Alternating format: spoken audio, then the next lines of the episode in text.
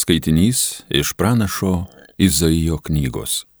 Iš Jėsės kelmo išauks atauga, iš jo šaknies išdyks atžala. Ant jo ilsėsis viešpaties dvasia, išminties ir supratimo dvasia, patarimo ir tvirtumo dvasia, pažinimo ir maldingumo dvasia. Jis bus kupinas viešpaties baimės dvasios.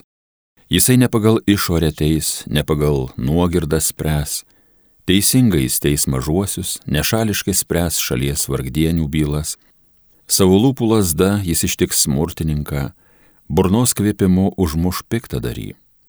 Teisingumas jo klubų diržas, ištikimybė jo strėnų juosta.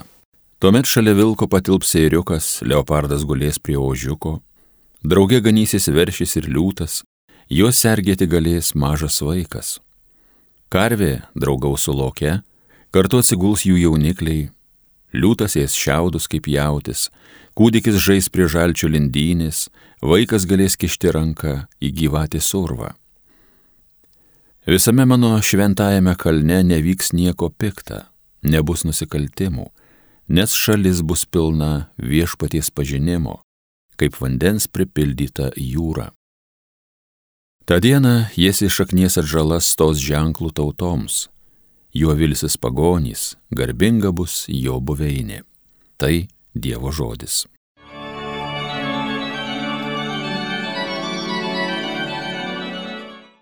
Klestės jo dienomis teisingumas, gražiausia ramybė. O Dieve, savo išmintį duoki valdovui, tam sūnui karaliaus įdėk teisingumą, kad jis valdytų savo tautą kaip dera, būtų teisingas savo vargdienėms Klestės jo dienomis teisingumas, gražiausia ramybė. Klestės jo dienomis teisingumas, gražiausia ramybė, kol švies padangiai mėnulis. Jis viešpataus nuo jūros lyg jūros, nuo upės lyg žemės skritulio krašto. Klestės jo dienomis teisingumas, gražiausia ramybė. Jis juk vaduos pagalbos maldaujant į vargšą, ta nelaiminga, kuriam nepadeda niekas. Jis gailės vargšo, beturčio, ir savo varguoliams gelbės gyvybę. Klestės jo dienomis teisingumas, gražiausia ramybė. Palaimintas bus jo vardas per amžius, kolė saulė švies, bus jis šlovingas. Per jį palaimą atras visos gentys pasaulio, turės visos tautos jį šlovint. Klestės jo dienomis teisingumas, gražiausia ramybė.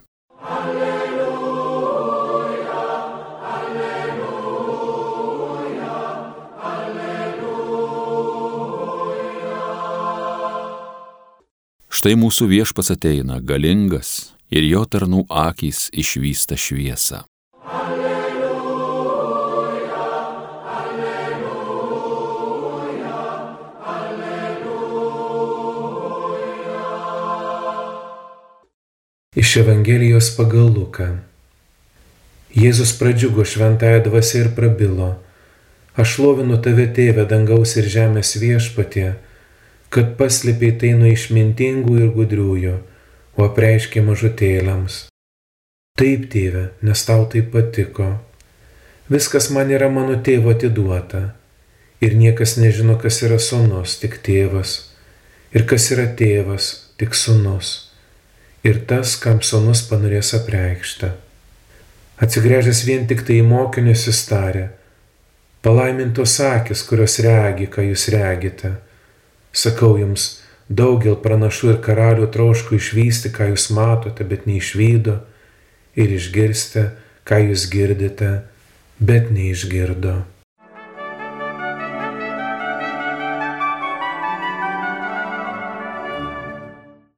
Mėly broliai seserys, aš manau, kad nekartą esame girdėję šią Evangelijos ištrauką. Tačiau kiekvieną kartą reikia pastangų su atidumu įsiklausyti, ką viešpats man šiandien nori pasakyti. Būtent šiandien. Ką aš esu kitados girdėjęs, ką aš kitados patyriau, tai yra viena. Bet būtent šiandien. Kaip tu man šiandien viešpatė nori prabilti. Šiandien vėl viešpats nori mane prakalbinti nori kažką labai svarbaus pasakyti.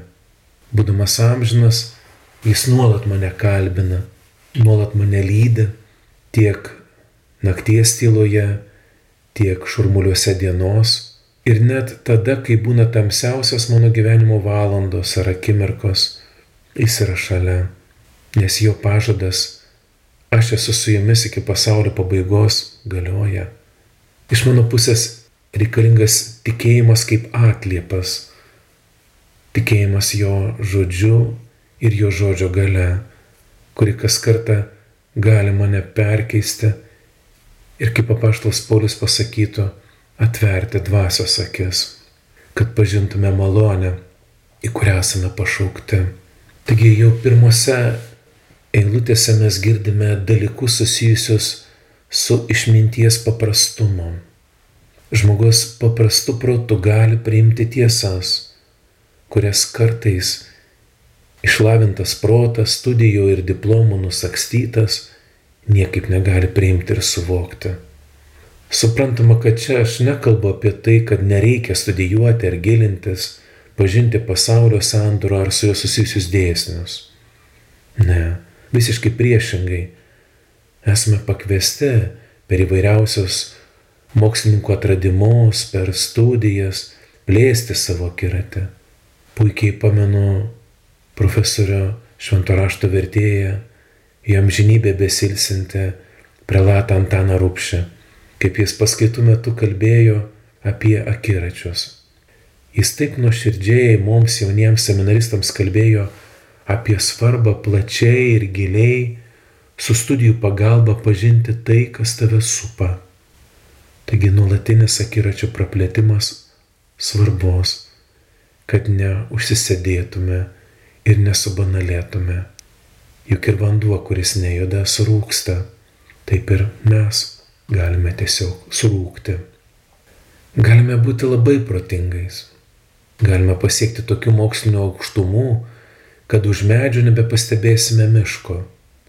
Ir todėl studijuodami ir gilindamėsi turime nepamiršti kurėjo ir visako palaikytojo.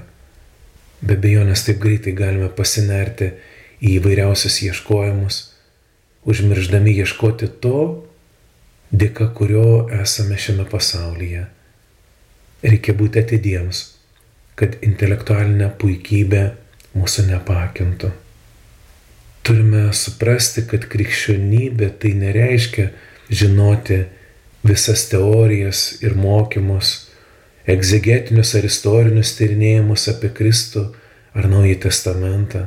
Krikščionybė tai nėra žinojimas apie Kristų, bet pažinimas Kristaus, pažinimas pačio Kristaus.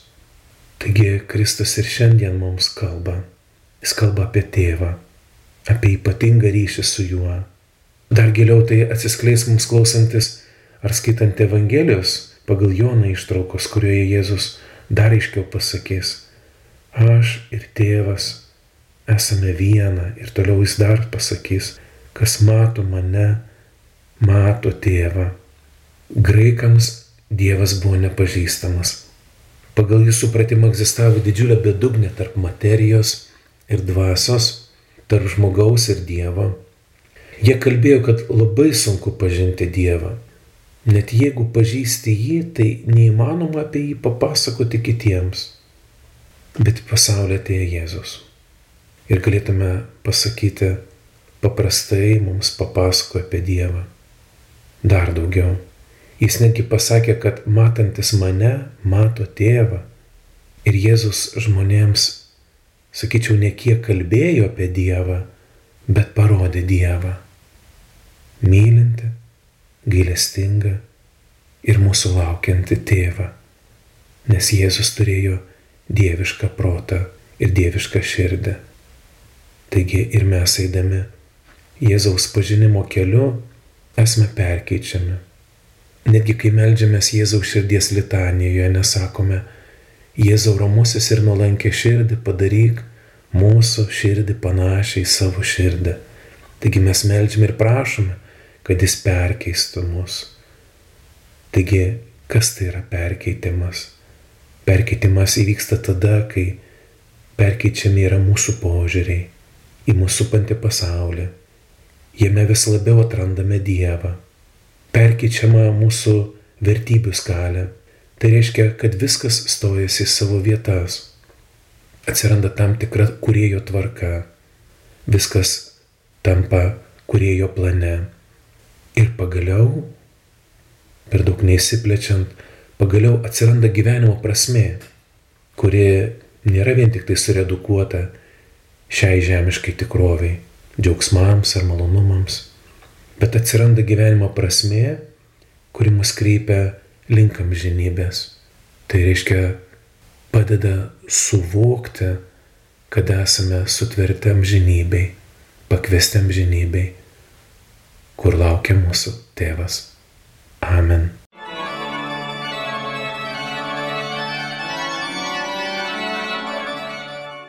Homilija sakė kunigas Rolandas Karpavičius.